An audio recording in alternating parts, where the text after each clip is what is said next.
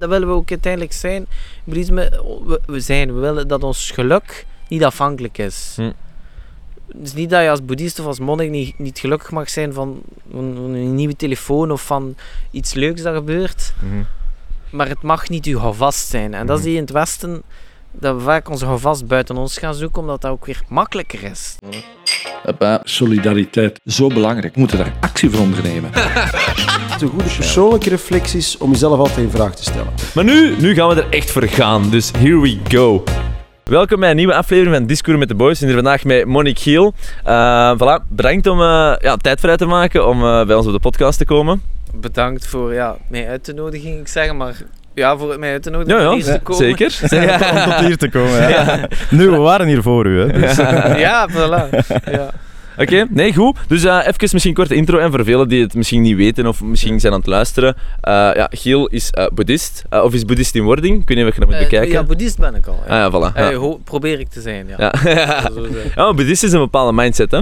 En uiteindelijk, ik denk, dat is een beetje het leuke van, van deze aflevering. Op zich, en we moeten niet te, te technisch worden of te gedetailleerd. Maar op zich, voor mij zelf, heeft boeddhisme origineel in mijn jongere jaren, want ik ben ondertussen zo oud, echt wel best een impact gehad. Omdat dat gewoon heel leuk vond hoe dat, simplistisch gezegd, voor mij boeddhisme eigenlijk zegt van eh, wij zijn wel heel extern georiënteerd, om eigenlijk terug naar uzelf te kijken. En ook niet zomaar uw eigen emoties en gedachten allemaal te geloven. We hebben een onderbewustzijn, hè, ons lichaam doet van alles, maar we moeten daar niet per se altijd in meegaan. En dat is denk ik wel een onderscheiding die, eh, die boeddhisme heel hard eh, voorop probeert te zetten. Het, het Tibetaanse woord voor eh, boeddhist Ja? is Nangpa. En als je dat letterlijk vertaalt, betekent dat innerist. En, en dat zie je ook zo heel goed in... in ehm, ja, India is geen boeddhistisch land meer. Vroeger wel. Boeddha werd geboren in India.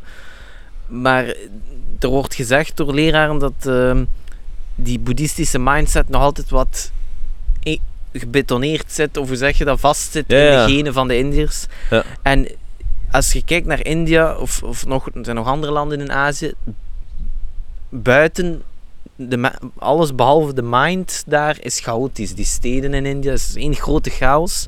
Maar in die mensen hun hoofd is het rustig en is er structuur en is er alles wat er buiten niet vindt. Ja. Dus dat is dan een beetje een, weer het andere extreme. Ja, Wij, ja. zijn- wij hebben hier buiten heel goede infrastructuur, maar binnen af en toe Is er werk. Ja, werk aan de winkel.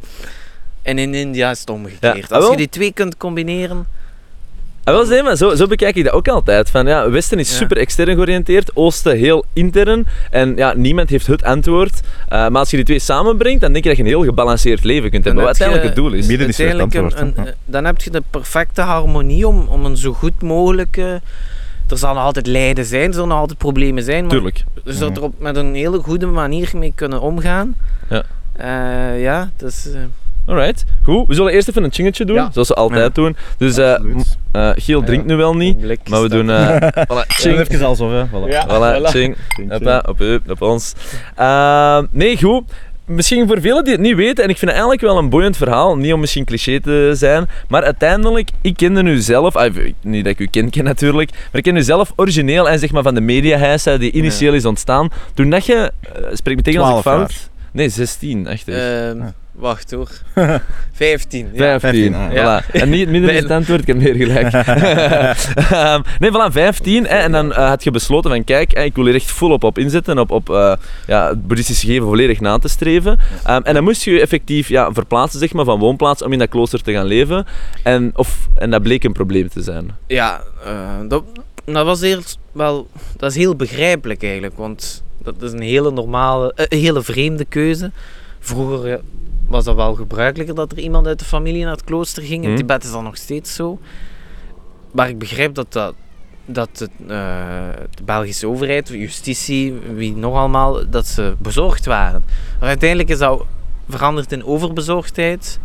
Maar ik, eh, ik- uiteindelijk heeft die Heisa Hm? heeft dat eigenlijk heel mooie dingen met zich meegebracht en daar, daardoor zitten wij hier Ja, ook. Klopt. Eh allee, ja, waarschijnlijk toch, ik kan dat niet, ik kan dat niet zeker zijn, maar toch, het, het heeft alleen maar mooie dingen met zich meegebracht.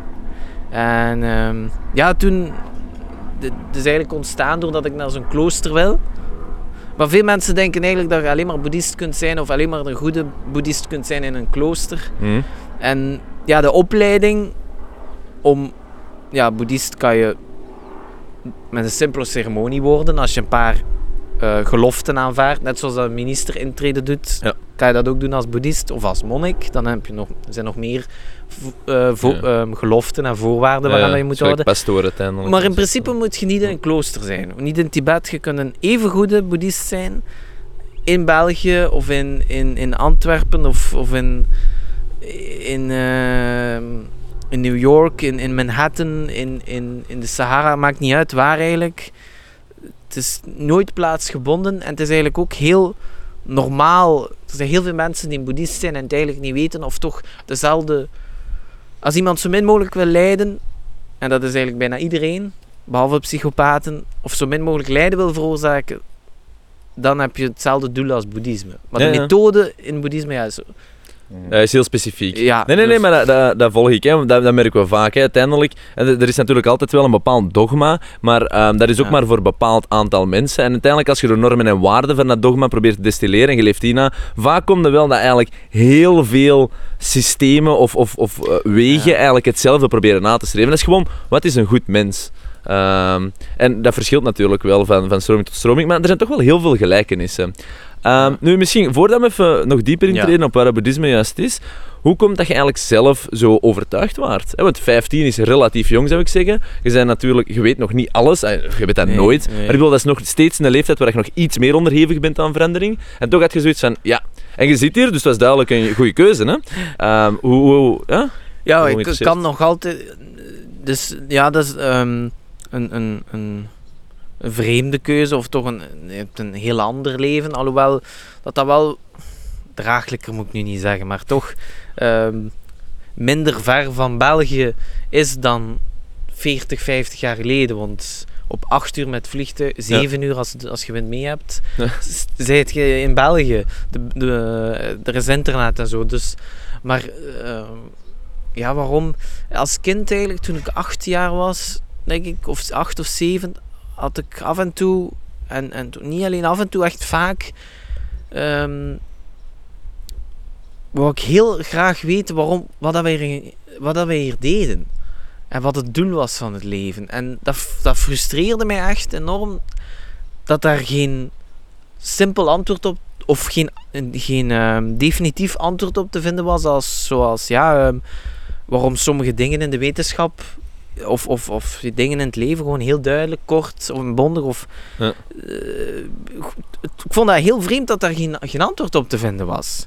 Of dat mensen verschillende dingen zeiden, of, of een antwoord gaven dat niet, on- niet onderbouwd was. En eh, ja, vragen zoals: ja, wat doen we hier? Wat gebeurt er na de dood? Er zijn veel mensen die daar een heel ander antwoord op zullen vinden, of een hele andere waarheid zullen, hele andere waarheid zullen aanvaarden, dan, dan hetgeen wat ik goed vind of logisch vind. Maar als kind, ehm, ja, ik ging naar Brugge, ik ging in Brugge naar school Mhm. en mijn moeder had daar een affiche gezien van een Tibetaanse leraar die les gaf in Brugge in een bakkerij. Eh, die affiche hing in een bakkerij, die Ja. lezing was anders. Of mijn Nederlands. en ehm, ja, zei, ik had, mijn moeder zei ja, eh, die wist dat ik die vragen had natuurlijk. En zei, Hm. is het geen goed idee om daar een keer naartoe te gaan? Eh, misschien krijg je daar een antwoord. En uiteindelijk was mijn keuze om, om echt elke, elke vakantie die we hadden te besteden, of elk moment dat we naar zo'n les konden te gaan, om daar naartoe te gaan. En uiteindelijk, ja, als, je, als, als iemand boeddhisme goed wil leren, doe je dat het best in, in het Tibetaans of in het Sanskriet. Maar Ja. die taal is bijna een dode taal, Ja, net ja. zoals Latijn. Het Tibetaans zal dat ook ooit worden. Maar, dus ja, dan is het logisch van dat in een klooster als monnik te studeren, omdat je dan het meeste tijd, de, de beste middelen, de beste leraren, de beste taal hebt. Eh, ja, iemand die wil leren hoe dat, hoe dat je bier brouwt of, of, Ja, ja. of weet ik veel wat, eh, klompen maakt, die leert misschien best Nederlands. Dat doet, dus daar, daarvoor is Tibetaans geen geschikte taal. Eh, omdat ze het concept bier waarschijnlijk zelfs niet eens kennen. Maar met Tibetaans en boeddhisme is dat net hetzelfde. Net zoals het woord, ja, boeddhist, dat is echt niet veel. Maar als je dat dan letterlijk vertaalt, dan, dan heb je innerist. Ehm, als je het woord boeddhisme in Tibetaans letterlijk vertaalt, dan, je kan dat niet altijd doen, letterlijk dingen Nee, nee, dat, dat heel wordt veel dat heel moeilijk. connotatie, Ja, ja, zo'n woord. dat wordt- en dat is heel beladen dan. Ja, dat wordt, dan, dan krijg je voetnoten die... Ja, ja, ja. Nee, nee, nee, sporen. ik ken het. Maar het heeft veel meer waarde en als, als Tibetaans wordt vertaald naar gelijk welke taal, Hm. Ehm, verlies je heel veel omdat Tibetaans, het, het, het Dharma-taal, het, het jargon eigenlijk om Ja. boeddhisme door te geven of daar les over te geven, dat, dat bestond niet voor boeddhisme eh, in Tibet werd geïntroduceerd in de 8e eeuw. Dus dat werd allemaal, ehm, alle Sanskrit-teksten en nog in, al- in Pali ook denk ik, Ja. alle teksten werden vertaald naar het Tibetaans. Er werden nieuwe woorden, nieuwe taal eigenlijk gecreëerd om dat boeddhisme Begrijpbaar. te maken. begrijpbaar Ja. te maken. Dus dat heb je niet in het Nederlands, niet in het Engels, niet in... eh, dus, Ja, en, en als je dan bijvoorbeeld boeddhisme vertaalt, kri- eh, Nang Chu, dat is innerlijke verandering. Dus je ziet nu al zelf, het woord boeddhisme en innerlijke verandering, ja, dat is een groot verschil. Ja. Ehm, Nee, nee, nee, dat kan ik volgen. En Dus misschien ja. als je zo even kijkt naar, eh, naar het boeddhisme, moeilijke vraag, of, of gemakkelijke vraag, maar ik bedoel, je kent er waarschijnlijk iets te veel van om het dan nog gemakkelijk te zien soms. Ja. Maar als je nu zo zou zeggen, een aantal core, eh, core eh, waarden en normen of zo, of, of, of bepaalde ideeën die echt wel prominent aanwezig zijn en waar... dat- zijn die acht zeker, hè? Nee? waar eh, er, er zijn verschillende Ja. opsommingen, ja. maar je, je moet ze niet per se te letterlijk geven, Nee. maar gewoon zo... Ja, of je mag ze letterlijk meest, geven. Ja, de meest, zeg maar, eh, tastbare of handige wa- waarde in boeddhisme is, die, is wel, misschien wel die van... Het zijn er eigenlijk twee. Ja. En nog een Amai. derde ook, maar die derde komt, komt heel goed overeen met, met, met wetenschap. Die, eh, die derde, of ja, derde, ik zeg nu derde, maar Goed, de eerste- laten we zeggen ja. drie. Ja. is, eh, Twee, ehm, tweeënhalf. onderlinge afhankelijkheid. Ehm, de kwantumfysica legt dat heel goed, of heeft daar ook begrippen die dat perfect ook uitleggen of overeenstemmen met boeddhisme, maar moet mij niks vragen over kwantumfysica. Ehm, Daar gaan we ook niet in slagen, denk ik. onderlinge afhankelijkheid wil zeggen dat, dat iets niet op zichzelf bestaat. Dat, dat dingen andere, iets anders nodig heeft, of ja, eigenlijk ontelbare dingen uiteindelijk, wij ook, Ja. nodig hebben om te kunnen bestaan of op deze manier er te zijn. En, ehm, en onderlinge afhankelijkheid, dat gaat weer samen met een andere waarde, met het feit dat eh, alles vergankelijk is. Dat klinkt, dat kan die, die ja, dat kan eh, niet zo aangenaam klinken dat alles vergankelijk is, want dat betekent ook dat alle mooie dingen vergankelijk zijn, maar dat wil ook zeggen dat alle slechte dingen vergankelijk zijn. Maar eigenlijk is vergankelijkheid een slecht woord. Ik is beter om te zeggen verandering. En ehm, ja, verandering is er altijd. Dat zegt Ja. de wetenschap ook. ook. Dat, dat, dat kan de wetenschap ook heel goed bewijzen. Veel Ja, dat is- beter dat dan is de boeddhisme. core van, van de wetenschap, Ja, evolutie. Met, met machines en eh, elektromicroscopen, of hoe- heet dat, dan kan je duidelijk zien dat dingen continu veranderen, voortdurend veranderen. In beweging. Voilà, ja. Ja. Ook een beetje wat leven is. Hè. Ja Als eh, het statisch zou zijn, is het natuurlijk ook geen... Ja, maar het probleem is dat wij, we weten heel goed in het Westen dat onze relatie of onze MacBook Pro of dingen, dat die niet, of onze carrière, dat die niet voor eeuwig bestaan, of Mhm. ons lief niet voor eeuwig bestaan, of onze vrienden. Dat weten we heel goed, maar we beseffen, of we negeren vaak het feit dat de volgende week, of vandaag zelfs nog, plots datgene kan veranderen, kapot gaan, kan verdwijnen. Hè. Verdwijnen, ja, of toch Ja. gescheiden kan worden van ons. En die waarden zoals onver, ehm, onderling afhankelijkheid en ver- vergankelijkheid, of eigenlijk verandering, feit dat alles verandert, dat is een manier om... ehm, dat is eigenlijk geen boeddhistische waarde. Als boeddhist ga ik dat zeggen. Hè. Hm? Eh, mensen zijn mensen die dan zeggen dat het is eigenlijk wel boeddhistisch, maar ik- dat is nu mijn mening. Dat is eigenlijk, eigenlijk is dat helemaal niet boeddhistisch, die waarden. Eh, omdat dat ehm, bijvoorbeeld het feit dat alles verandert, dat alles vergankelijk is, of dat mensen, dat iedereen gelukkig wil zijn, Hm? dat elk levend wezen eigenlijk eh, niet wil lijden of zo min mogelijk. Dat is, daar is eigenlijk niks religieus en niks boeddhistisch aan. Dat is gewoon de natuur eigenlijk. Ja. Eh, toch boeddhisten zeggen dat.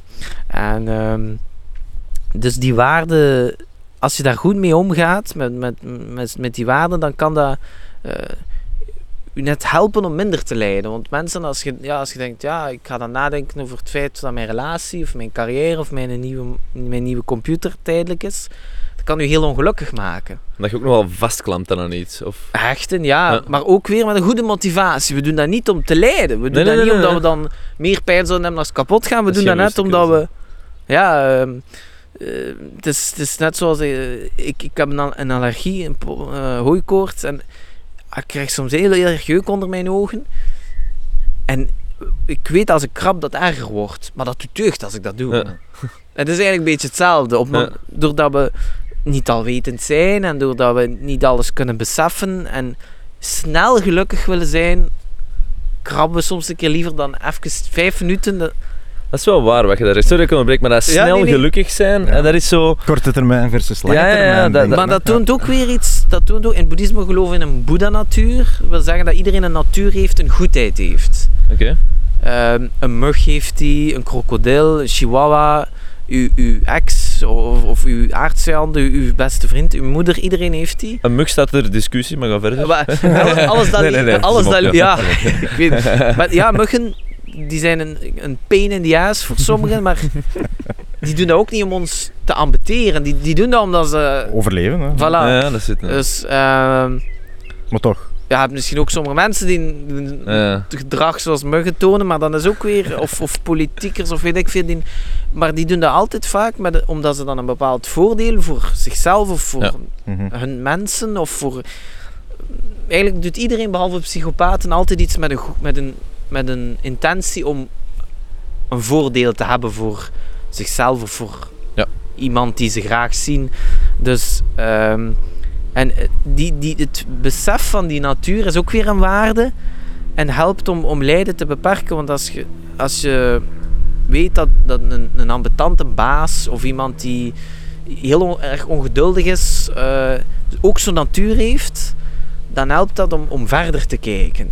Eh, Dan moet je en- niet zo persoonlijk aangevallen voelen. ja, en is niet om zo in op het moment zelf Ja. alles, net zoals een, een goede politieagent, die, die, die, ja, die, die, die negeert dat en die doet gewoon, die volgt gewoon het protocol in plaats van zijn emoties. En door het protocol te volgen, beperkt die lijden. En dat is wat we in het boeddhisme eh, doen. Door, we proberen methoden te volgen om lijden te beperken Ja. Eh, en te verminderen. En uiteindelijk mentaal lijden volledig te verwijderen of te, te, ver, ehm, te verhinderen dat het zich voordoet. Of ehm, te preven- eh, preventie daarvan. Ja. En, ehm, en het boeddhisme zegt dat je dan uit, zelfs fysiek lijden uiteindelijk jezelf daarvan kan verlossen. De, de mind, hè, sommige mensen als ze kijken als ze een vaccin krijgen, doet pijn, maar als ze niet kijken, doet geen pijn. Ja. Eh, dus dat is ook weer de kracht van, van, van ons denken, van onze mind. En, eh, maar eigenlijk wat ik wil zeggen, veel te ver afgedwaald, Nee, nee, nee, maar is- het gaat nog ja. steeds over normen en waarden. is ja, die waarden, dat toont ook weer al iets moois, dat we liever niet denken aan de dood, of liever niet denken aan het feit dat onze relatie met iemand of met iets zoiets stopt. Eh, ja, onze band of, met, of het feit dat we iets hebben, we denken daar liever niet aan. We weten dat het vergankelijk is, maar we negeren het en daardoor doet het pijn als het weg is. Ja. Ook door ons echten, maar... En in het boeddhisme gaan we in plaats van te negeren, gaan we ons daarvan bewust maken. Op een gezonde manier. Dus in plaats van stress te krijgen, ga je meer waarderen dat je het hebt, omdat je beseft wat er allemaal nodig voor was. Ja.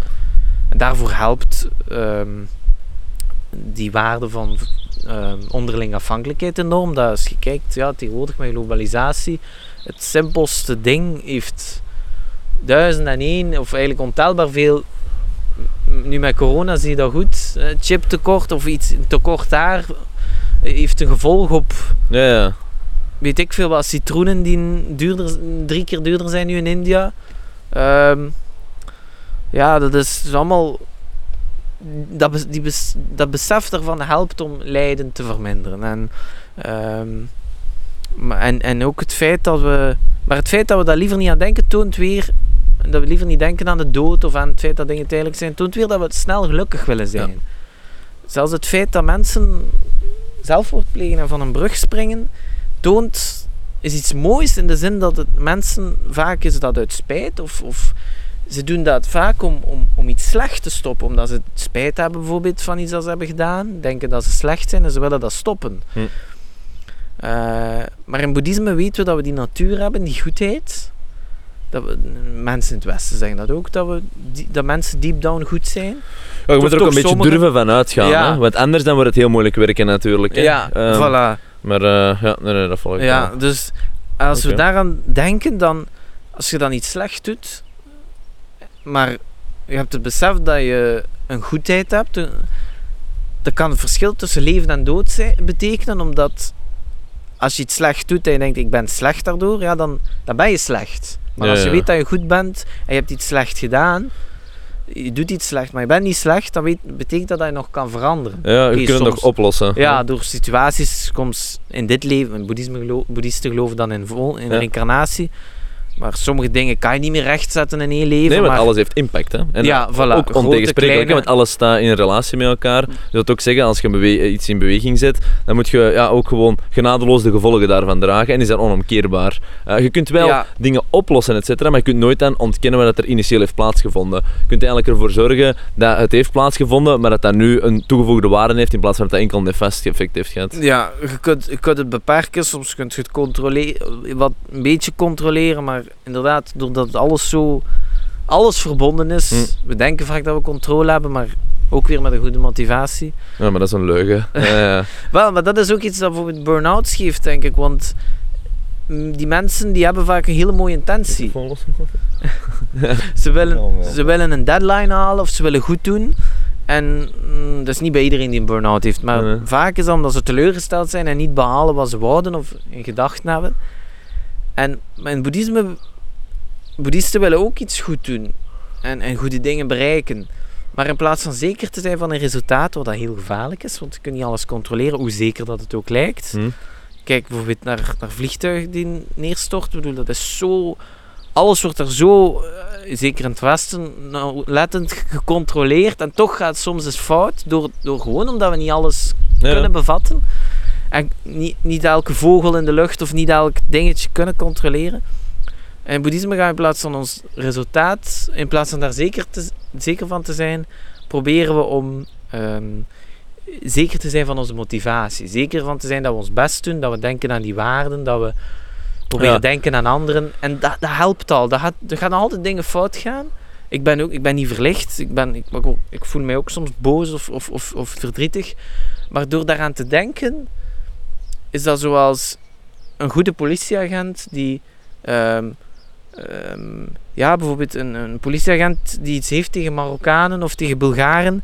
Als dat een goede is, ondanks dat hij daar eigenlijk een voordeel voor heeft, gaat hij het protocol volgen. Ja, ja. Je moet... En Ja. gaat hem dat helpen om toch niet te zorgen dat die emotie of dat, dat vooroordeel, racistisch vooroordeel, om dat deel te laten maken of een beslissende factor van zijn motivatie. Nee, maar dat, dat volg, dat ik, eh, dat volg ik ook wel. Ehm, omdat in die zin, ik denk, je kunt nooit je mens zijn ontkennen of zoiets. En je voelt wel ja, dat sommige dingen gewoon in u zijn. Ik heb het er niet per se over racisme, maar misschien wel, ik weet het niet. Maar anyway. Ehm, ik denk gewoon, je voelt, je hebt soms een voorkeur voor iets. Dat is gewoon zo. Of een eh, afkeur. Maar je moet, ehm, ik weet niet, als mens, zeker ook in bepaalde omstandigheden, gewoon zo altijd terug dat kunnen loslaten. Omdat je weet, het is hiermee, ja, ik weet niet, je vindt u in een bepaalde situatie en dan is je eigen, uw eigenheid of je eigen persoonlijke voorkeur doet er niet toe in functie van die situatie. En dat kunnen scheiden, zo die, Ja. die persoonlijke voorkeur versus gewoon, ja, ik ben een mens en we hebben hier nu een doel. Dat is zo belangrijk, maar veel mensen slaan dat niet in, again, omdat ik denk dat die eigen verwevenheid met emoties te ervaren en denk ik moet daar nu op reageren of ik Ja. ben dat nu, ehm, dat die te hard verbonden is. Maar ik denk dat je die veel meer kunt lostrekken. hè. Je merkt ook, dat is eigenlijk heel het idee ook van mediteren, hè? Eh, Voilà. van heel het stilzitten. Ja. Hè? Je merkt ook, zodra je dat doet, dat er heel veel gedachten in je opkomen, emoties, maar je merkt ook als je daar niet constant in meegaat, in die red race van je eigen emoties, dat die ook terug verdwijnen. ja, En dat is de kunst, denk ik. Soms ook zo die ja, interne stilte dan terugvinden. Hè? Eh, als je me- gaat mediteren, vaak.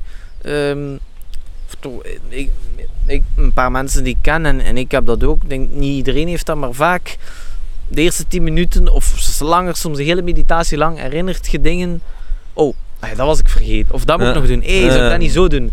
En dat is ook weer een, door, door ruimte te creëren en, u, en die rat race eigenlijk te beperken, creëert je ruimte en denk, denkt je na over dingen en is er ruimte om bijvoorbeeld iets dat je vergeten was of, of om te denken over iets, ah, dat kan ik beter doen. En dat is eigenlijk mindfulness, dat is ook, ehm, helpt daar ook mee om ruimte te creëren om dingen beter te doen. Dat is Hm. bijvoorbeeld in een klas of, eh, of op je werk, als je aandacht hebt, als je aandachtig bent, dan ehm, creëer je ruimte om iets beter te doen. Je kunt En- een beetje en- vergelijken met het defragmenteren van een computer. Dat alle blokjes terug goed zet, zodat er meer ruimte komt. Dat V- allemaal wat ja, ja, organiseren Ja. En, en, en, en een structuur creëren. En, en inderdaad, ehm, ook hebben ze in het, het, eh, in Tibetaanse ehm, niet dom zijn in het, als ik letterlijk vertaal, niet dom zijn in het kiezen wat je, wat je aanneemt en wat je ehm, afstoot of afweert. En daarbij helpt ook weer mindfulness. Wat, Mensen wat die je daarmee? wel, mensen die bijvoorbeeld impulsieve keuze maken, emotie volgen en, en, en ehm, een computer op de grond smijten. Ja, zo. Ja, dat is, eh, dat is ook maar in, in, in iets, iets dat je voelt borrelen. En als je dan twee, of misschien zelfs geen twee seconden, een halve seconde stilstaat en kijkt, eh, stilstaat bij het feit van dat je die woede voelt en die woede probeert in vraag te stellen Hm. door een klein beetje ruimte dat je creëert, door een gewoonte van af en toe een keer na te denken over Ja. wat je zegt, dan kan dat misschien nadenken van ja, wat is nu de beste oplossing? En ja, een computer, als hij vastzit tegen de grond smijten, dat voelt misschien op dat moment heel goed, maar de volgende seconde niet. Hm. Heel kort. eh, en dat, maar dat toont ja. weer dat we snel gelukkig willen zijn. Maar dat is net zoals met fastfood. Dat was zo in- instant gratification. Ja, Ja, ik en- weet niet of het altijd per se gelukkig is, maar inderdaad, het is er wel mee verbonden. Hè? Ja. Je wilt zo af van een soort van itch. Hè? Dat is zo'n mental itch en je wilt dat die satisfied is. Ja. Maar je- eh, eh, ik denk, op welk niveau dat je het ook bekijkt, zij het voor eh, banaal, eh, eh, materieel succes, zij het voor Ja. eh, intern geluk, whatever. Maar mensen die erin slagen om niet constant die itch te krabben, hè, eh, dat dat toch echt wel heel veel positieve effecten heeft. Omdat dat wat controle creëert. Het creëert- terug wat interne huishouding. Eh, Eigenlijk, eigenlijk is discipline daar ook een soort van afgeleide van. Hè? ja, Want je en- kunt niet gedisciplineerd zijn zonder dat je niet constant die instant gratification ook loslaat. Voilà, ja. Ja, discipline en, en bijvoorbeeld regels, of dat nu voor jezelf is, of Hm? Eh, in, in, in- op scholen hier in België en, en zelfs in sommige kloosters, in kloosters is er veel discipline, maar er wordt niet altijd uitgelegd waarom. Nu, in, in, in, in, in kloosters eh, zijn de leraren nog echt heel streng, zoals hier 40, 50 jaar geleden. En ik denk dat tegenwoordig dat, dat wel moeilijker wordt, doordat leraren, ja, dat is ook wel, leraren, vroeger waren ze misschien iets te kil, of hè, nu, ehm, en, en dat is ook wel nuttig als een leraar warmhartig is of vriendelijk kan zijn, eh, vriendelijk is. Eh, maar dan wordt dat soms wel moeilijk om duidelijk te maken aan jonge mensen dat discipline of regels belangrijk zijn. En daarvoor is boeddhisme dan ook weer vind ik niet per se dat mensen boeddhist daarom moeten worden. Ik ken veel mensen die geen boeddhist zijn, maar veel daaruit halen, omdat het uiteindelijk maar een methode is om hetzelfde te bereiken wat iedereen eigenlijk, of ja, eigenlijk iedereen wil. Ehm, en eh, bijvoorbeeld, ja, respect, als je dan of, of, of discipline of regels, als je nadenkt wat, wat dat allemaal geeft en wat dat allemaal kan vermijden. Ehm, als ik soms naar scholen ga, dan toon ik een foto van een kruispunt in India. Dus alles, je hebt er zelfs om drie uur s'nachts files. Eh, iedereen zit vast, iedereen toetert, niemand komt op tijd. Slecht voor het milieu, ze, ze verkwisten brandstof.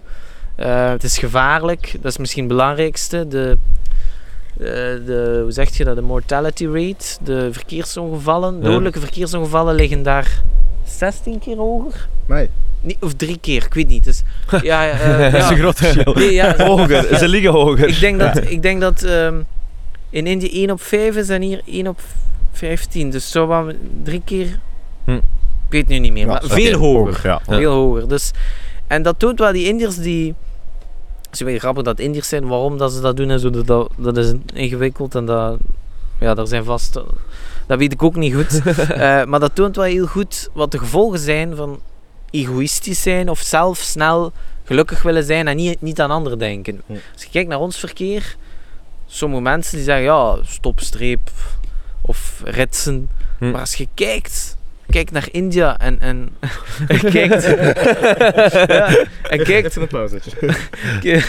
Sorry. kijkt wat, wat ons dat geeft. Ja. Ik bedoel, ja, wij kunnen 120 rijden, om, puur omdat wij de discipline hebben van... Goeie afspraak, maar goede vrienden is eigenlijk een heel simpel eh, ja, idee, maar eigenlijk komt het daar wel een beetje op neer. ja, Dat is een vorm van discipline, dat is een vorm, vorm Ja. van regels. En omdat die allemaal overeenkomen, kunnen we eigenlijk heel gemakkelijk ook ons ding doen. En uiteindelijk is dat zelfs, ja, dat is, het- dat is het belangrijkste. Eigenlijk is dat zelfs door, dat, door die discipline of door regels of door niet te kiezen voor een quick fix of een instant gratification, behaalt je uiteindelijk een mooier resultaat dan hetgeen dat je instant had kunnen hebben. En een dom maar, eh, voorbeeld, een, een dom maar goed voorbeeld daarvan is... Nu ziet het, in Indië ziet je dat zelfs niet, maar eh, vroeger, zag, 50 of ja, 10 jaar geleden, zag je dat ook niet in België, denk ik. Dan zie je meer en meer mensen met hun voeten op een zetel zitten, met schoenen aan, in de trein. Ehm, en, eh, Waarvan dat de opmerking normaal was, doe jij dat thuis ook. Hè? Ja, Dat, eh, ja, dus... Nu is het antwoord dan ja. Ja. De arrogantie van vandaag. Ja, maar ik zie dat mensen dat thuis ook doen en zelfs eh, foto's voor kranten van BV's die, die, die met hun schoenen op een keukenaar recht zitten. Dan denk ik, ja, het is, mensen zijn een beetje vergeten of sommigen, daar ga ik me niet over uitspreken, maar uiteindelijk mensen die doen dat niet om die zetel vuil te maken. Ze doen dat omdat dat aangenaam Comfortabel is. Ja. Maar als, als bijvoorbeeld door ehm, mindfulness of door mediteren eigenlijk in Tibetaans, als je dat letterlijk vertaalt, weer al, de letterlijke vertaling is ehm, gom. En dat wil zeggen gewoon worden. Of eh jezelf ja, familiarize, Ja, jezelf ja. gewoon vertrouwd te maken met een bepaald aspect of iets, een nieuwe manier van denken. Of dat dan nu rust is of Hm. geduld. En als we mindful zijn, en, en dan ehm, gaan we dingen in vraag stellen. Dan, als je dan je voet op een wilt ergens leggen, dan ga je nadenken, ja, dat, dat, dat, het- dat gaat deugd doen, dat, dat is aangenaam, maar dat maakt die zetel vuil. Dus dat- dan denk je misschien, ja oké, dan ga ik, mijn, dan ga ik mijn, mijn schoen uitdoen en ga ik hem op mijn jas op die zetel leggen. Ehm, of dat je jas daartussen moet liggen of niet, dat moet dan aan de NBS vragen. Eh. Ik weet dat mensen die dat doen. Maar dan, dat duurt langer en dat is altijd zo. ja. Dat is iets moeilijker. Je moet je schoenen uitdoen. Misschien had je wel een schoen met veters Ja. of kun je hem niet zo, met, hè, zo niet snel afdoen. Ehm, dat duurt langer, maar uiteindelijk het resultaat is veel mooier dan hetgeen dat je eerst of hetgeen dat je hebt bij een quick fix. Omdat je niet alleen je, je, je voet kunt, je been kunt eh, relaxen op die stoel. En tegelijkertijd weet je dat je de stoel niet vuil maakt voor iemand Ja, anders. Of je maakt, de, kla- de kans is al kleiner. Ja. Nee, maar ik denk En het dat voorbeeld is- dat je geeft, als je dat Ja. heel metafysisch bekijkt, het is nu tussen aanstekens een simpel voorbeeld, maar ik volg wel. eh, als je inderdaad zo soms de tijd en ruimte neemt om te, na te denken, wat is het gevolg hiervan en wat is ook het gevolg van het gevolg? Ja, Ja, het gevolg. Ja, die dat, dat kon ik niet beseffen. Ja. en eh, ehm, en eh, ja, dan heb ik me een draad kwijt. Hè. Anyway, ehm, ik volg wat je zegt en dat is inderdaad wel zo. En ik denk wel inderdaad door die pauze en door soms wat meer na te denken, dan doen we gewoon dingen die automatisch ook respectvoller overkomen. Want wat je nu hebt beschreven, ik, ik, misschien ligt dat aan mij, maar automatisch voelt dat ook respectvoller of zo.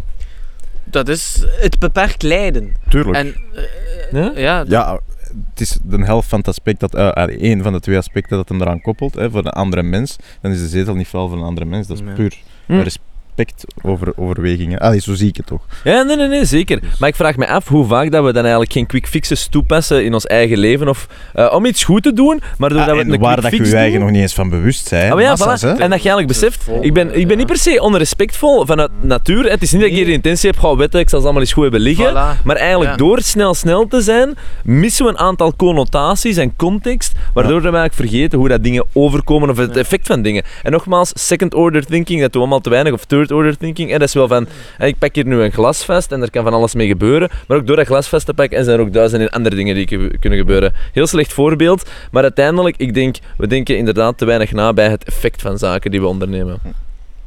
ja, en uiteindelijk zullen er altijd wat dingen zijn die we blijven vuil maken of kapot maken, maar we kunnen ons best doen. Ja, dat kunnen- moet, dat moet niet 100% zijn. En als we ons best doen, is dat al... Dat is al, Dat is al veel. Dat is al, Dat is al veel. Dat staat wel ver. Heel veel problemen vermijden. Ik ben niet zo dicht nemen. Ja, sorry. ja, die Wat is hier. belangrijk? Ah, ja, ja. Nee, nee, nee, nee, inderdaad. inderdaad. ja. Nee, goed. Ehm, zijn er eigenlijk dingen, ehm, misschien een meer persoonlijke vraag, maar je moet ze niet per se persoonlijk beantwoorden, maar gewoon conceptueel. Van, zijn er zo zaken waar dat je...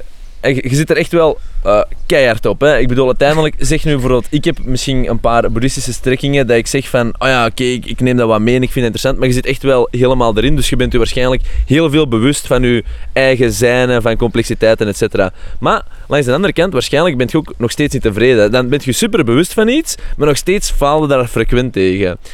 En, en hoe, Ja. hoe gaat je ermee om? Of, of hoe, hoe zeg je dat? Ja? Ehm, Helemaal bewust van mijn eigen zijn. Of, of, wat, nee, nee, ik zeg gewoon meer. Ja, omdat ja, je er meer over nadenkt. Als je meer tijd in iets steekt, dan zijn er automatisch beter in. Hè? Ik ben nog zeer ver weg van, van een boeddha zijn. Eh, Ja, ja, maar ik maar- vergelijk je zeker met Boeddha hoor. Oh ja. Ehm, het is moeilijk om te zeggen of dat ik nu meer gelukkig ben dan vroeger. Maar wat ik wel zeker ben, is dat ik momenten dat er tegenslag is, dat ik minder ongelukkig ben.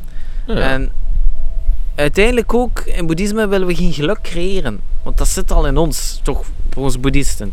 Volgens boeddhisme, volgens Boeddha. Ehm, en we willen, eh, je ziet dat ook weer terug in, in, in die handelingen die we doen. We willen altijd gelukkig zijn, maar we doen het op een ongelukkige manier. Als we die ongelukkige manier beter vermijden, of Mhm. op een, an- dan, dan is dat geluk er al. Dus we, we hoeven alleen maar het geluk te, te bevrijden. Ehm, maar wacht ook een tweede deel van u, of het tweede deel dat je zei vergeten van ver- Heb ik het zelf ook Eh, vergeten. Ja, dus ah dat ja, je eigenlijk je zelf nog alles- complicaties hebt. Ja, eh, dat je eh, zegt van, ja. ah ja, ehm, ik weet dat dit niet ideaal is, of ik leid hieronder om het dan eh, zo te zeggen, maar je blijft het toch doen. En hoe dat je daar een beetje mee omgaat. Eh, Wel, natuurlijk, als je alleen besef hebt en, en telkens geconfronteerd wordt met dingen die je beter had kunnen doen, of dingen die een andere beter had kunnen doen, dan word je gek.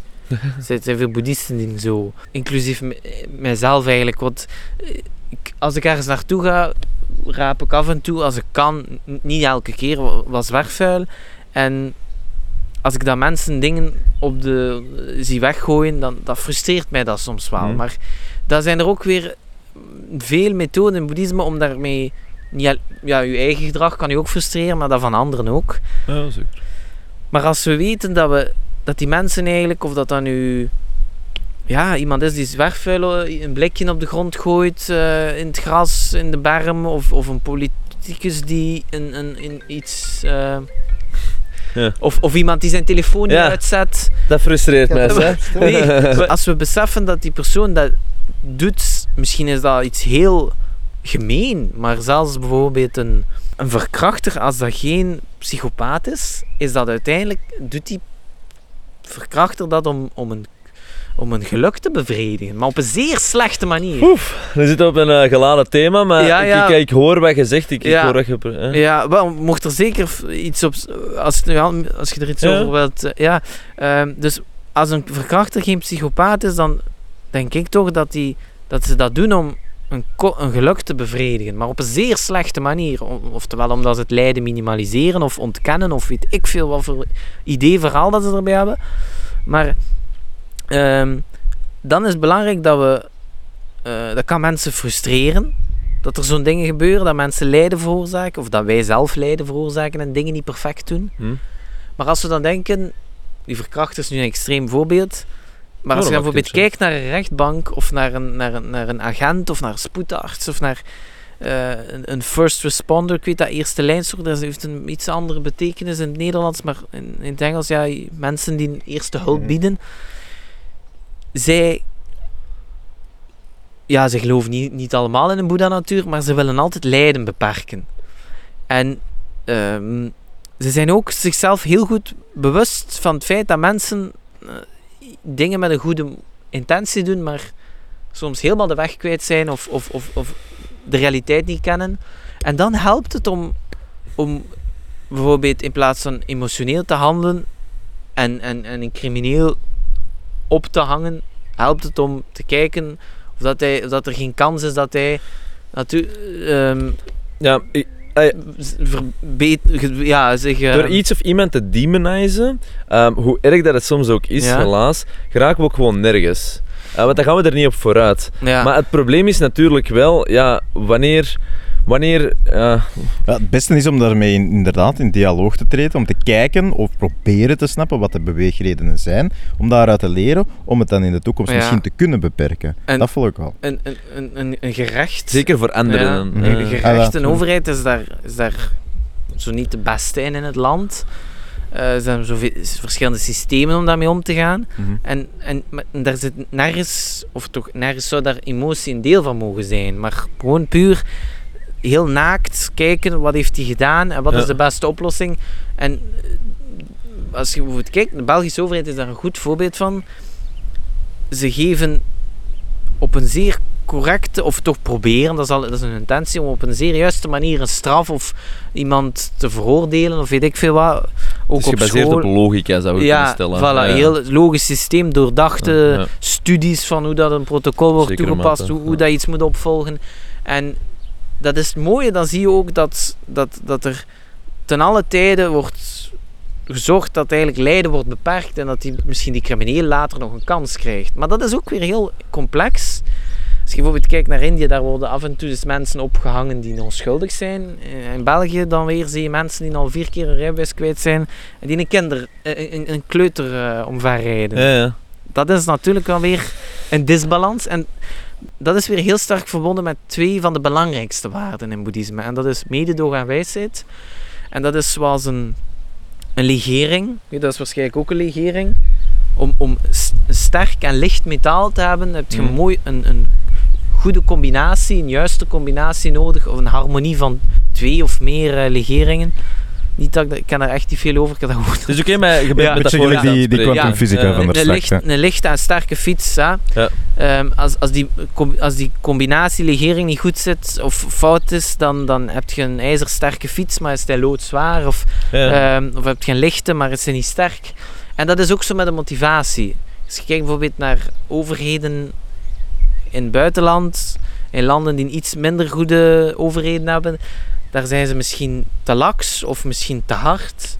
Eh, waardoor da- daar, dan is er een gebrek aan mededogen of een gebrek aan wijsheid, waardoor dat een, een, eh, iets niet zo ideaal gebeurt. Perfectie bestaat niet volgens boeddhisme, maar je kunt wel je best doen. Ja, ja, ja. Ja. Het, het, het nastreven aan zich zorgt eigenlijk voor het dichtste dat je bij perfectie kunt geraken. eh, geraken. Ja, en dat is ook het enige wat we kunnen doen. En, en dat voelt ook... Dat, dat is ook heel geruststellend. Zelfs als er honderd dingen fout gaan, dan, als we dan in plaats van gefocust te zijn op een goed resulta- resultaat, al sinds eerder gefocust waren op een goede motivatie, dan kunnen we zeggen, kijk, het is compleet een ramp, maar we hebben ons best gedaan. Ja. En we konden eigenlijk... Eh, ik ben daar niet volledig mee akkoord, om eerlijk Ja? te zijn. Omdat het ding is, ey, maar dat, dat heeft te maken puur met eh, ehm, de, hoe dat ik de huidige sferen interpreteer. Maar ik denk Ja. vandaag de dag, en ik spreek gewoon pff, ja, voor, voor hoe dat ik naar de wereld kijk natuurlijk, maar dat we nogal rap durven zeggen, ik heb mijn best gedaan. Maar ik denk, Ja. onze, onze parameters om te beoordelen, heb je wel je best gedaan? Ik denk dat daar soms nogal laks in zijn. En nogal van, ja, ja, je hebt je best gedaan. maar moeder- eigenlijk diep van binnen weten we, nee, ik was eigenlijk te lui en ik gebruik dat nu als antwoord om het gewoon op te lossen. Mijn moeder Ja. was aan het lachen. eh. Doe dat ook. Ja, dat is natuurlijk weer complex. En ehm, er zijn altijd, zelfs als we echt ons best doen, zijn er altijd dingen achteraf. Ach, had ik dat geweten? Ja. Of had ik dit gezien? Had ik dat kunnen beseffen?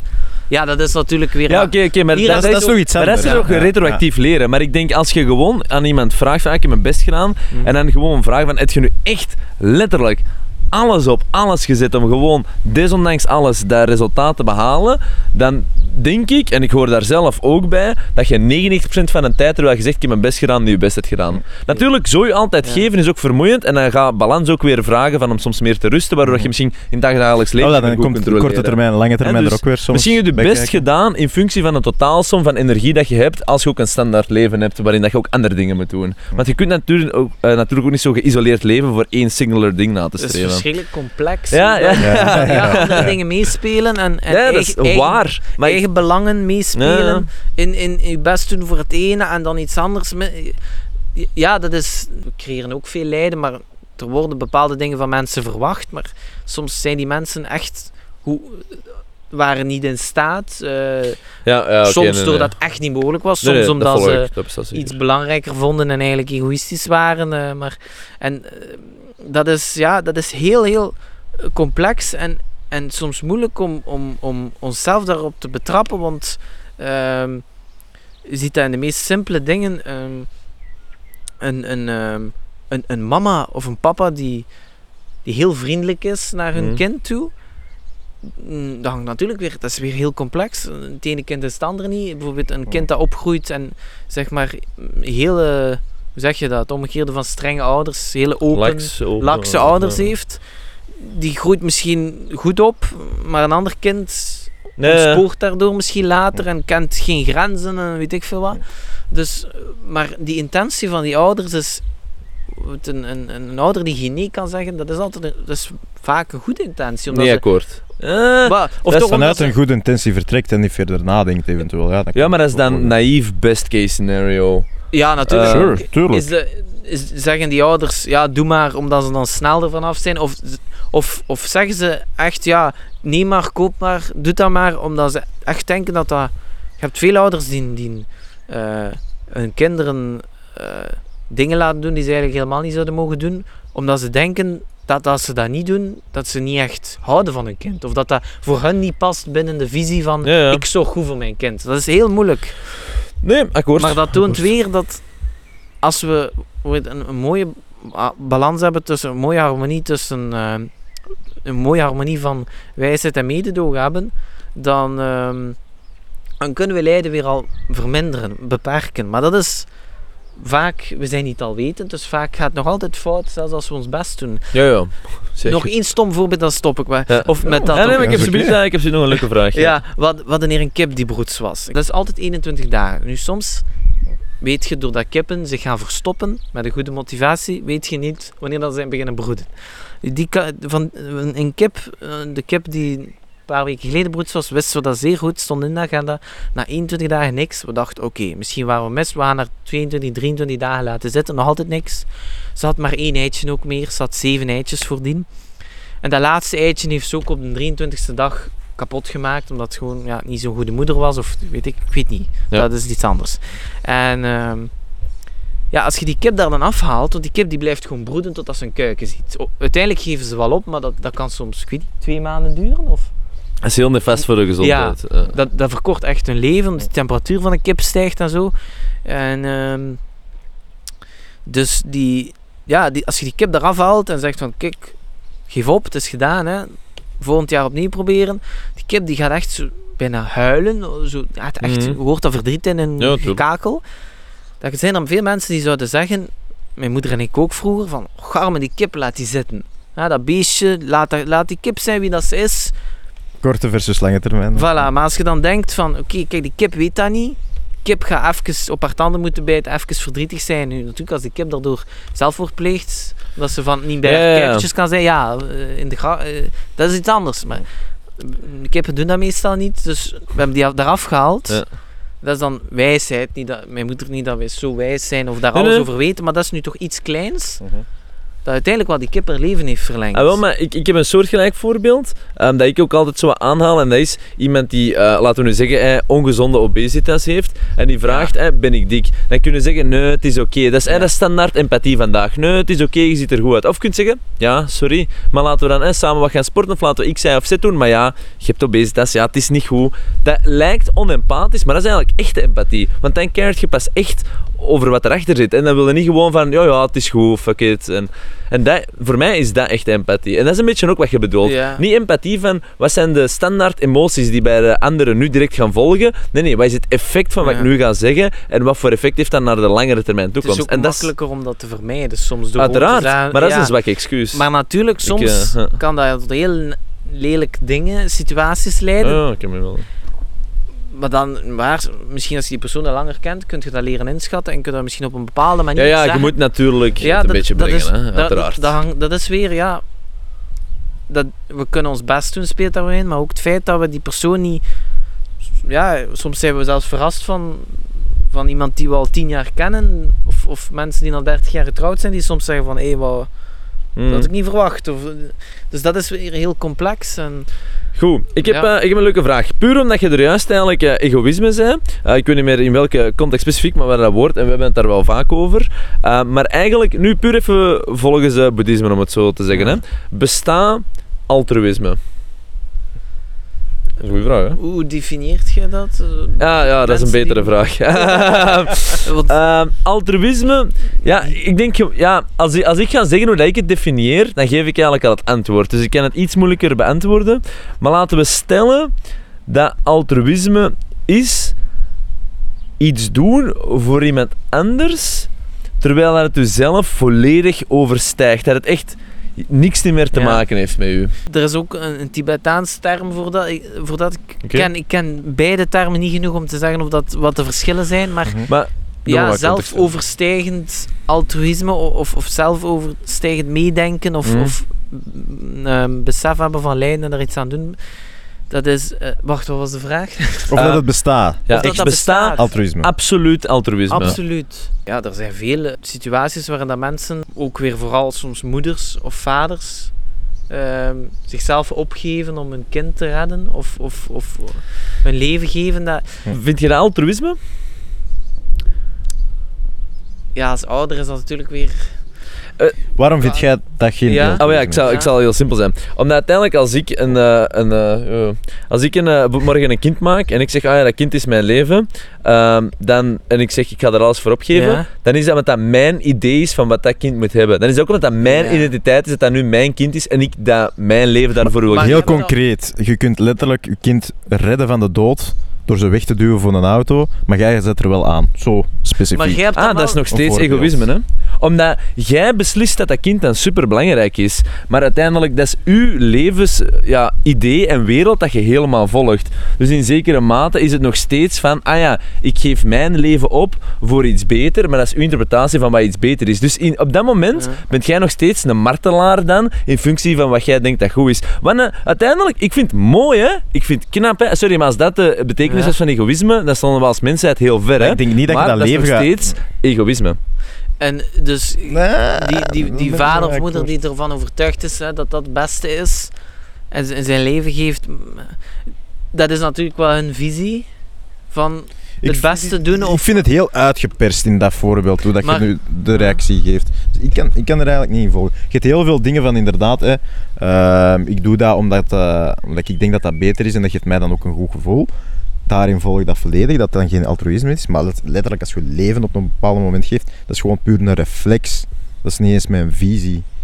Ik denk... Jawel. Ja, jawel, want de- de visie was er vooraf al, hè. Hmm. Want je, je, ah, je als, als, die- ja, nee, dat, dat volg ik niet volledig. Maar ik snap wat je wilt zeggen, hè. Je hebt Mhm. zeker een punt, maar ik geloof niet in absoluut eh, altruïsme. Puur omdat, als je identiteit is, fuck de wereld, dan had je dat niet gedaan. Dus op dat moment is je identiteit dan, ja, ik vind de wereld belangrijk, ik vind de wereld belangrijk, dus in mijn beleving van de wereld er te zijn, ga ik de andere persoon dan ervoor springen, omdat ik dan eigenlijk op die manier absoluut mijn identiteit tot vervulling breng. Wat niet per se egoïstisch is, hè? want egoïsme heeft vandaag een heel negatieve con- eh, context van ik doe iets Maar voor mezelf ten koste van anderen. Ja. Maar egoïsme kan ook positief zijn, Ja. maar ik denk dat het nog steeds binnen de eigen beleving is van hoe dat de wereld werkt en hoe dat alles draait. Ik, ja, ik ben niet zeker of dat boeddhisme het zo zou definiëren, maar... Nee, nee, ik zeg ook niet dat boeddhisme dat zo zou ja, definiëren. Maar ik ben niet zeker of dat boeddhisme het zo zou definiëren, maar puur, absoluut altruïsme, vrij van eigen belangen of eigen principes, principes die niet, niet ehm, ja, die Ja, egoïstisch of, zijn of, eh, interfereren. Ja. Ik denk dat dat gebaseerd zou zijn op een motivatie om, om zo min mogelijk lijden te creëren. Maar dan heb je weer iedereen zijn eigen manier van denken van ja, zo is het minst lijden. Politiek is daar weer een goed voorbeeld van. De ene zegt zo is de beste manier om dat te vermijden of dat aan te pakken. De andere zegt nee, zo is het compleet omgekeerd, links-rechts. Ja. Ehm, boeddhisme zegt bijvoorbeeld de definitie van een goede motivatie is eh, want v- dat zeggen mensen ook veel. Ja, ja, mijn motivatie was goed. En de ander zegt nee, dat is niet goed. Want, want, Ja. want. eh, en daarom en daarom. Maar in boeddhisme, als iemand lijden zoveel mogelijk wil beperken, dan is dat een goede motivatie volgens mij. Oh ja, voilà. Maar dat is nog steeds egoïsme, maar dat is wel een win-win situatie creëren. En er is niks mis met een win-win situatie creëren. Uiteraard, dat zouden we allemaal moeten doen. Maar ik geloof wel dat dat nog steeds egoïsme is. Ehm, maar gewoon puur met dat, ja. Je doet, maar je kunt je eigen ook niet ontsnappen. Je kunt nooit je eigen ontsnappen, omdat ik zit altijd in dit lichaam. Uw eigen, ja, dat zijn dingen die we niet. In boeddhisme willen we eigenlijk uiteindelijk af van, Ah, ja, ja. Ons, van ons ego. Ik ben en er enkel iets, die natuur. Maar- Ik heb mezelf nu iets te hard gebonden gezien aan mijn eigen lichaam, waardoor ik eigenlijk de context voorbij ga. Ja. Van, eh, nee, nee, nee, true. Mijn individuele insteek kan de reden zijn waarom dat ik geen altruïsme zie. Omdat ik het afgebakend zie als mijn eigen lichaam. Maar ik denk als je Ja, denk- praktisch denk dat is dat wel waar. Maar ik Ja. snap het metafysische, filosofische wel. Maar de definitie is misschien ook, ook niet volledig omschrijvend. Het is niet volledig omschrijvend hè, van eh, altruïsme. Ja, maar absoluut, Dus- altruïsme zegt wel iets, hè. Dat moeten we niet... eh, Ja, zeker. het woord zeker. absoluut Ja, ja, ervoor ja. doet hem het. Weet je, die, maar ik volg wel met wat je zegt. Want inderdaad, Ja. praktisch altruïsme, inderdaad, als je leven geeft, praktisch, dat is Mhm. altruïsme. Hè. Ik volg, hè. laten we duidelijk zijn. Hè. Maar ik vind dat dat toch absoluut altruïsme dat dat niet bestaat. En waarom vind ik dat zo belangrijk om dat gewoon te definiëren? Omdat, sommige, eh, omdat ik soms het gevoel heb dat we eigenlijk allemaal maar dingen in de wereld doen, zo van, oh, het is altruïsme, het is maar voor een ander. Terwijl dat we denk ik te vaak eigenlijk weigeren te zeggen, nee, ik win er zelf ook bij. En daarom dat ik mij denk ik daar zelf zo hard tegen verzet, omdat ik dat... Nee, nee, nee, maar dat, dat volg ik. Voilà. Hè. En daarmee dat ik ook zei, in, in, in de meeste Maar ik voorbeelden wat je wilt ben ik akkoord. Maar in Ja, dat zo- extreme voorbeeld van iemands leven te redden, ja, dan Ja, zit maar het voor mij nog praktisch, anders. praktisch hè. heb je gelijk.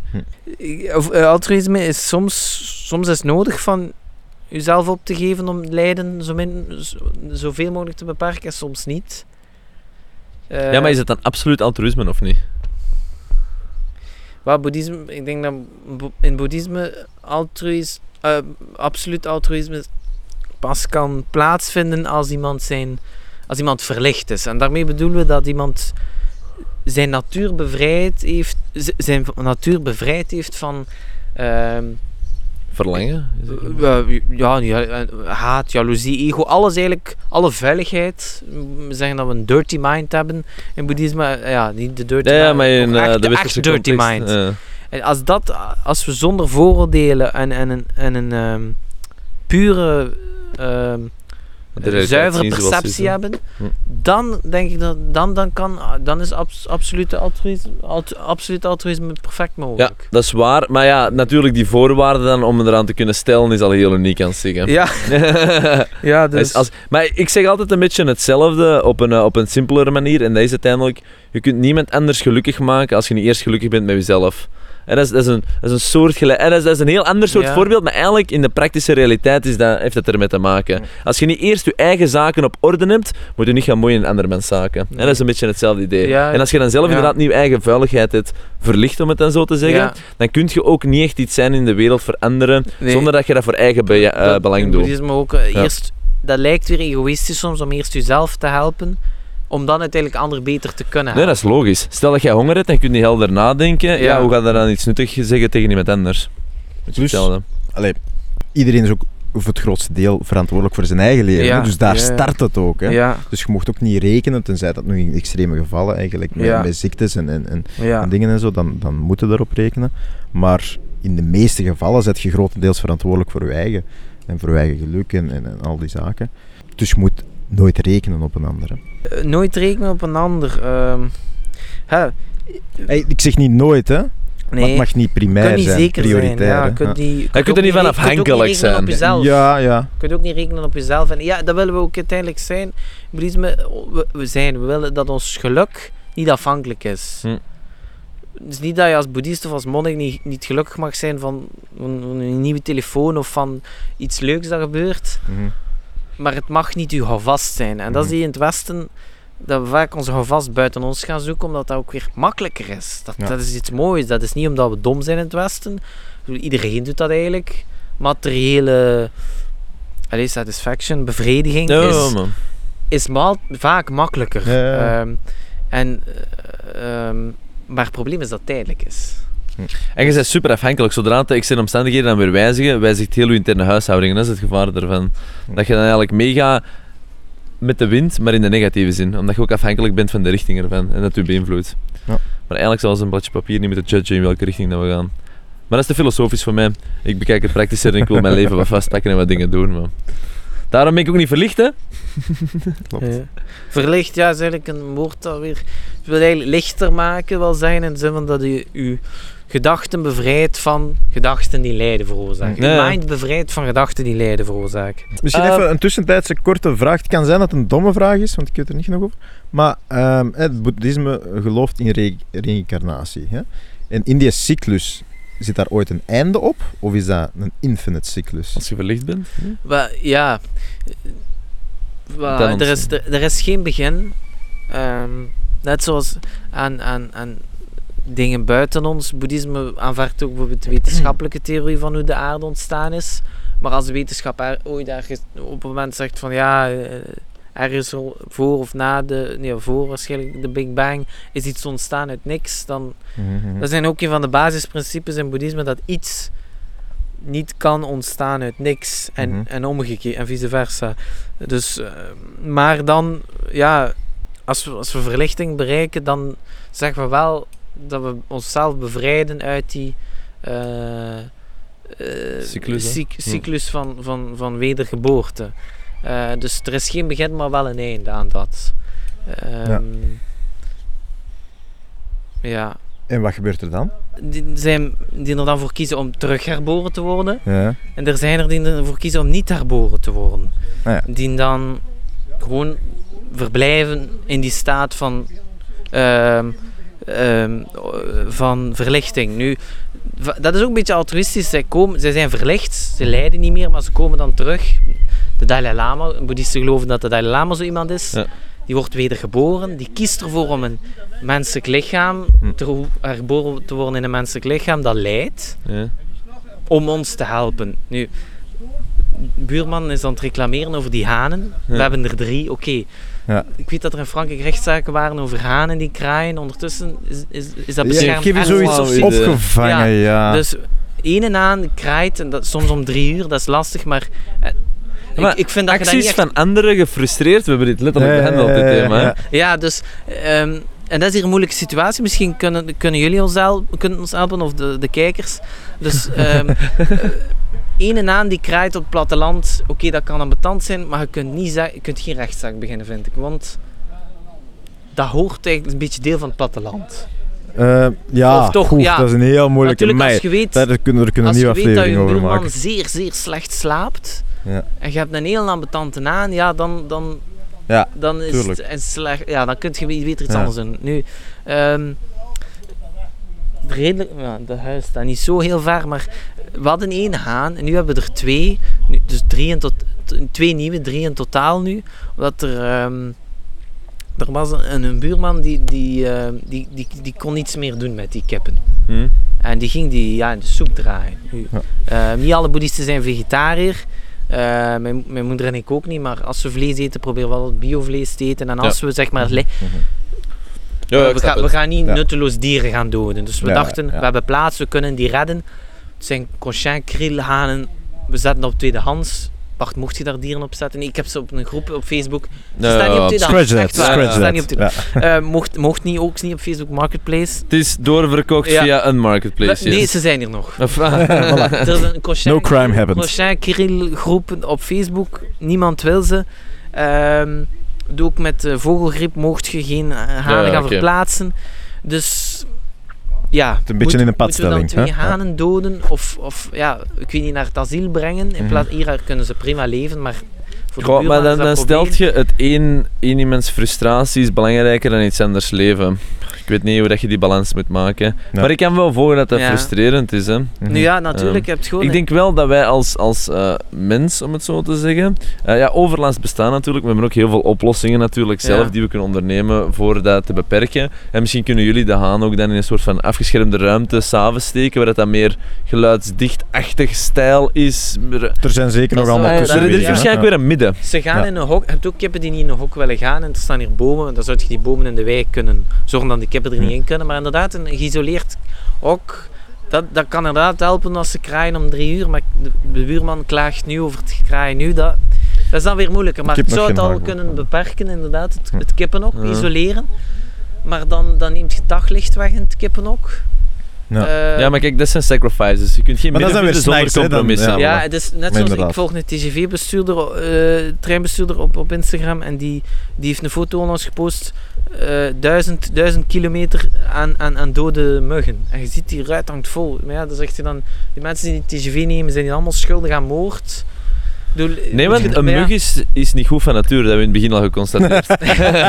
maar ja, nu, misschien... Je kunt lijden. Ik vind nu met die haan is het moeilijk om, om. Of er is waarschijnlijk iets dat, we- dat we eraan kunnen doen om te beperken. Maar een mug, of als je naar, ergens naartoe rijdt, al is het stapt, je kunt niet garanderen dat je niks doodt. Mhm. Er zijn monniken in... in, in ehm, Je moet er ook niet soft over doen. Stel dat jij ook niks doodt, de natuur zal ook wel doden hoor. Dus dood aan zich is relatief natuurlijk. Je moet er ook niet volledig Ja, uit de weg gaan, want dat is ook Er zijn onnatuurlijk. monniken die met een, met een, in, in India, Indische mon, hindoe monniken, of zijn hindoe monniken die met, jain monniken die met een, met een bezem voor hen en, en met een masker lopen omdat ze geen, ja, als je fietst, eh, of als je zelfs wandelt, af en Ja, toe... die die het naar het Ja. extreem hebben getrokken. Maar ja, dan kijk je ook weer de Dalai Lama. Er zijn er mensen die zeggen, die vliegt vaak met een vliegtuig. Eh, ja, er zijn carbon footprint. Als boeddhist is dat wel oké als lama. Als je dan weer kijkt, hij schaadt meer de Dalai Lama dan bijvoorbeeld de leraar die in het dorp blijft. Maar hij kan ook meer helpen. Mhm. Dus ik vind... Alles is Ja, alles heeft een sacrifice Ja. bij zich mee. hè. En ik denk met deze concreet voorbeeld, kijk, een probleem stelt zich. Je hebt twee partijen. Als Ja. iedereen alle twee een inspanning doet, zij het inderdaad een beetje eh, Ja. geluid beperken, Ja. zij het een beetje meer op- open-minded zijn en Zo een van, beetje ja, meer tolerantie eh, opbrengen, ja, dan kom je wel tot een antwoord, denk ik. Ja, Maar ik denk als je oprecht een kanten, dialoog aan wilt, dan zal er wel iets Ja. komen. Ja. Maar je moet inderdaad Maar je langs moet beide kanten beide wel willen geven. Ja, En je moet altijd een beetje geven zonder dat je... Ja, dat Absoluut, zakt, dat zakt absoluut. gewoon. Ja. Compromissen zijn nooit leuk, maar dat is een goede compromis. Exact. Misschien nog een laatste vraagje. Ehm, gewoon, wat is denk je, of, of wat, wat, wat vind jij, heel simpel uitgelegd, hè, dat, het, eh, dat we vandaag de dag in het Westen wat meer mogen kopiëren zeg maar, van boeddhisme, dat ons allemaal een tikkeltje verder zou helpen? Zonder dat we de rest van ons leven moeten wijzigen, hè, maar iets Mm. simpel. Ik denk wel iets dat, en dat ook veel Westerlingen makkelijk kunnen toepassen, die ervoor geïnteresseerd zijn, is, eh, is mindfulness. En dat wordt al vaak toegepast. Dat is al... eh, Dat, is heeft de al een stevige beweging gekregen, Ja, ik, Ja. ik, ken, ik Ja. Tibetaanse leraren die, die, die bij grote bedrijven gaan lesgeven, eh, cursussen mindfulness geven. En dat heeft zo, soms een beetje de connotatie of de label van zweverig te zijn, maar eigenlijk is het omgekeerde. Nee, het, het westerse mindfulness is ook al een beetje eh, wat westerser geworden. Ja. Hè? Dus ja, er is, er is al... er, er wordt zelfs gesproken over zoiets als westers boeddhisme. Ehm, en natuurlijk, Ja. ja. er is Tibetaans boeddhisme. Dat is boeddhisme dat...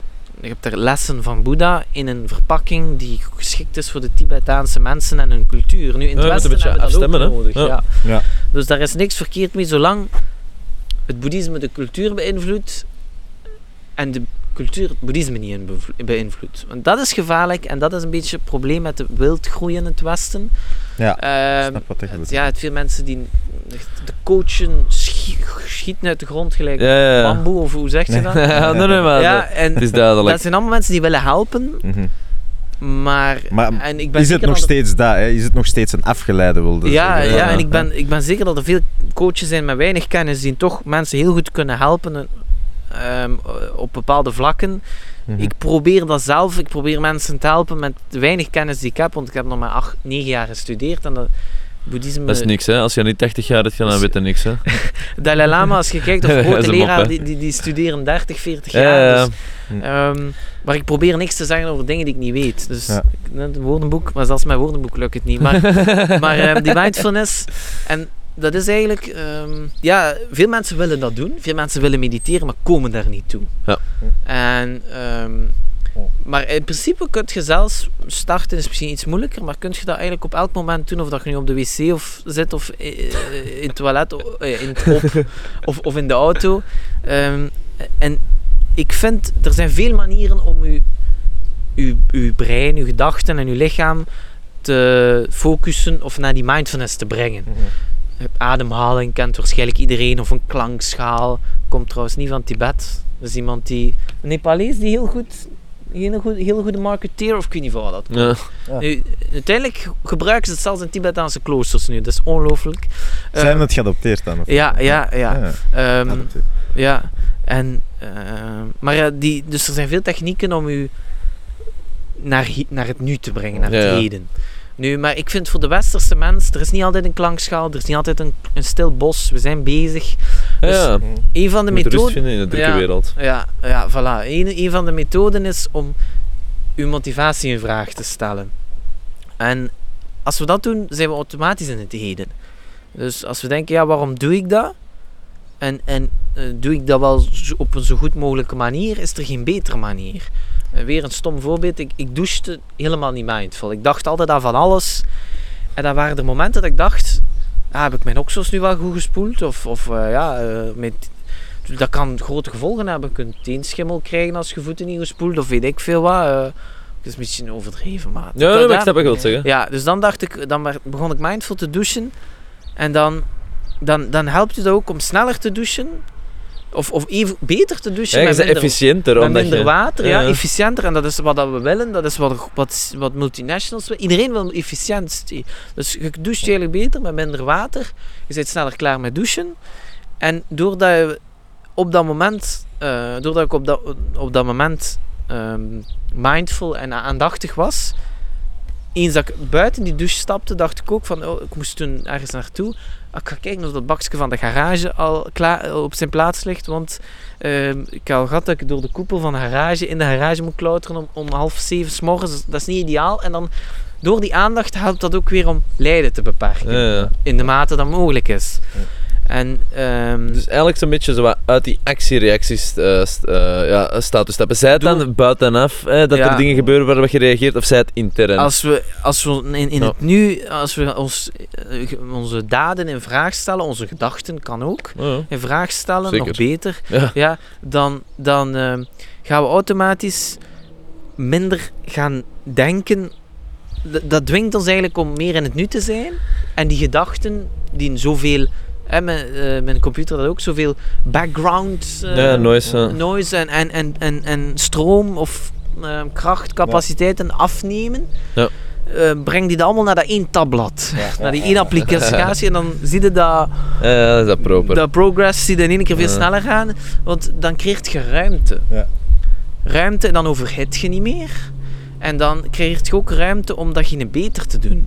Om bijvoorbeeld na te denken, ja, eh, kan ik dat niet op zo'n manier doen? En, en dat is eigenlijk met die mindfulness, daardoor creëer je aandacht en, en creëert je ruimte. En, en vooral, het allerbelangrijkste is rust. Ja. En dat zie je ook als je een politieagent of, of een, of een, ehm, een spoedarts bezig ziet. Dat zijn eigenlijk robots. Die zijn puur heel in het nu Hm. gericht op lijden verminderen. Hm. En, en dat kan ook bijvoorbeeld helpen als we kwaad zijn of ongeduldig zijn om in plaats van... Ja, maar dat zijn de moeilijkste momenten al om Ja. mindful te worden. Laten we eerst even in de dag dagelijks. Voilà. Maar daarom, ik vond uw vraag dat je eruit stelde, nooit bij nagedacht. Heb je ooit al mindful gedoucht? Ik heb nog nooit. Ik, Ik wel, maar, ik- misschien per ik ben- ongeluk. Ik ben ook iemand dat, dat ietsjes meer zo kan genieten van, van zo'n Ja. momenten. En ik vind dat water kun je dan een ook heel... meer doen, ja. Ja, voilà. En Ja. inderdaad, dat hoort er dan ook weer bij. dat hè. vermijdt dan ook weer spijt. Want bijvoorbeeld met, in relaties, eh, veel mensen, en ik doe dat ook vaak met de relaties die ik heb met mijn moeder, of de band die ik heb met mijn moeder, denk ik ook vaak, ja, mijn moeder gaat niet eeuwig leven. Ja. Ik heb vaak gedacht, als ik in mijn bed lig s'avonds, ja, kijk, had ik nu een keer wat vriendelijker geweest. Maar en, en dan om duur, in plaats van s'avonds aan te Ja. denken, dacht ik daar ook 's ochtends aan. Maar dan tegen dat ik aan het ontbijten was, dacht ik daar niet meer aan. En nu lukt Dus dat al. eigenlijk dat- gedacht op de foute moment, want het heeft niks anders Nee. dan ongeluk teweeggebracht. Ja, Het heeft eigenlijk. genut.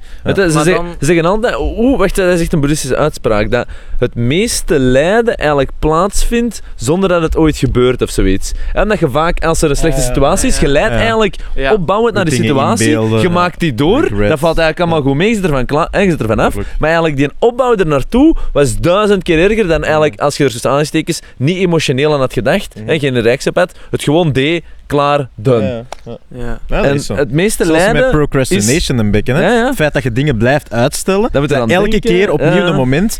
Ik stel dat uit, ah nee, want ik moet dat nog doen. En uiteindelijk, als je dan doet, maar was dat maar Ja, ja, de reden exact, waarom dat je dan zo ja, voelt. dat hè. is Ja. ook, procrastination Nee. is ook iets om nu gelukkig te zijn in plaats van... Ja, ja als je dan denkt aan het resultaat, dan helpt dat weer om toch datgene te doen. Dus als we dan die rust hebben, die ruimte creëren, dan, ehm, Dat dan gaan we automatisch dingen beter doen. En als je dat nu, dan, want ja, we hebben soms spijt van dingen, maar als we daar op een gezonde manier over nadenken, boeddhisme zegt als je te veel in het verleden zit, dan word je eh, depressief en als je te veel aan de toekomst denkt, dan word je angstig. Maar als je op een gezonde manier kunt omgaan met het verleden, kan je angst gebruiken, wat heel krachtig is bijvoorbeeld, om een motivatie te Ja, ja. kracht te geven en om Ja. iets toch te doen. Om iets ondernemen, te doen. Ja. Mensen die bijna een ongeval hadden, zullen waarschijnlijk, of bijna, ja, eh, dus, en dan uiteindelijk, doordat je die gewoonte creëert en merkt van, kijk, nu kon ik toch er al aan denken op dat moeilijk moment, of, of ehm, het is een beetje zoals stelen. Een dief die, die, die, die weet dat, die denkt dat stelen niet erg is, die is nog heel ver van stoppen met stelen, maar iemand die weet dat het slecht is, maar eigenlijk toch nog doet, Ja. dat is al een grote stap, want hij weet dat het slecht is, Hij moet dat, eens dat een dief of diegene die slecht doet, eh, genoeg beseft of het lijden genoeg inziet, zal die zeker stoppen als dat een normale mens is. Dus, en dan, eens dat dat deel is van je routine, van je denken, ga je ook... Mag niet En dan wordt dat gewoonte, hè. In Ja, dat wordt dan een gewoonte. En het begin is dat moeilijk, maar aan een tijd gaat het vanzelf. Hè. en dat is eigenlijk, boeddhisme is eigenlijk gewoon een gewoonte veranderen. En dan, als je dat in de toekomst, dan, als je dat vaak doet, dan is er ook enige hoop. Mocht ook niet te veel hopen dat je dat altijd gaat doen. Maar ga je denken van ja, er is veel kans dat ik dat morgen ook ga doen. Ja. En op die manier, door in het heden iets te veranderen, verandert je iets in, ja, verandert je iets in het verleden en in de toekomst. Of heb je er toch iets, ehm, iets, iets, nut, iets Iets nuttig mee gedaan, 100%. Absoluut. En dat is een, eh, een mooie noot Mooie, om eh, ja, mee af te sluiten. En dat kan overal. in een auto, Nog een nootje erbij. Ja, als je mindfulness plast, dan ga je misschien niet een druppel zien op het wc. Of als je ik, zeg, op scholen naar jonge mensen ook. Als je, als je bijvoorbeeld voor de eerste keer met echt een serieus lief thuis alleen bent, dan, dan denk je misschien van yes. En, en zijt je. Eh, En in je lief ook, en zijt je helemaal klaar om de eerste keer seks te hebben. En zijt- eh, maar als je daar te veel aan denkt, dan denk je misschien niet, ah ja, wat heeft mijn lerares of mijn mama of mijn papa gezegd dat het beter is om te douchen. Dan denk je, dan denk je misschien soms... Ik zou niet te veel aan uw ouders denken als je daar zit. Nee, nee, vriendin. dat is zeer maar, ik snap, eh, maar ik snap wat Ja, je wilt dus zeggen. Ik als je monnik is het ook een zeer slecht voorbeeld, maar als je dan bijvoorbeeld denkt aan, dan, als je mindful bent, dan ga je misschien denken, oh, is ook niet beter. Ehm, of, of veel mensen denken misschien soms niet aan iets, of dat nu seks is, of, iets, of, of eten, of rijden met een auto. Denken misschien niet aan iets doordat ze verblind zijn, of heel, helemaal gericht zijn op het geluk dat ze bijna hebben. Waardoor dat je misschien later spijt krijgt. Oh, eh, om- om- Ja. En daar dan is het weer like die voet op de stoel. Als je dan denkt, oké, ik ga toch nog vlug douchen. Of we gaan toch nog vlug alle twee douchen. Dan vermijd je weer, maar dan zijt je niet zeker. Dat, maar je, verkleint de kans dat er een van jullie een blaasontsteking heeft of zoiets. Of, Ik denk dat we wat ver zijn aan het Ja, gaan. Zo heel voilà. gedetailleerd. maar zo, als je daaraan denkt, dan, dan, is, dan maakt dat weer makkelijker om op dat moment een iets meer inspanning te doen, wat uiteindelijk een mooier doel geeft. Zoals die, die voet op die stoel zonder Mhm. schoen. Ja. Eh, en dat is eigenlijk, eh, Dan zijn we elke- weer terug bij hè. De Ja. cirkel is rond. hè. of dat je nu boeddhist bent of niet, elke mens, denk ik, elke, norma elke mens die iets goed wil doen, die gaat dat, gaat dat wel toepassen of misschien Ja, wel sowieso. aanvaarden. Als ze de logica ervan inzien, inderdaad. Ja. ja. Sure, why not dan? Beetje meer spatie laten tussen actie en reactie. Dat is uiteindelijk denk ik de essentie. De essentie, hè. Voilà. En dat is echt wel eh, een hele goede stap dat we ons meer zouden Ja. mogen ondernemen. Dat geeft Goed. ons tijd om... Ja. Giel, bedankt voor eh, tijd vrij te maken en voor het gesprek. En ja, voor, dat is eh, heel boeiend. ja, Heel voilà, voor ja, om het ja, perspectief van een, eh, letterlijk ja, een boeddhistisch te zien. hè. Daar is ook weer discussie over. Ja, Die ja, gaan- dat gaan we nu niet voeren. Nee. dat kunnen we inderdaad Goed. bezig blijven. Alright, Giel, bedankt. Veel succes nog en eh, misschien tot later. Alright, bye.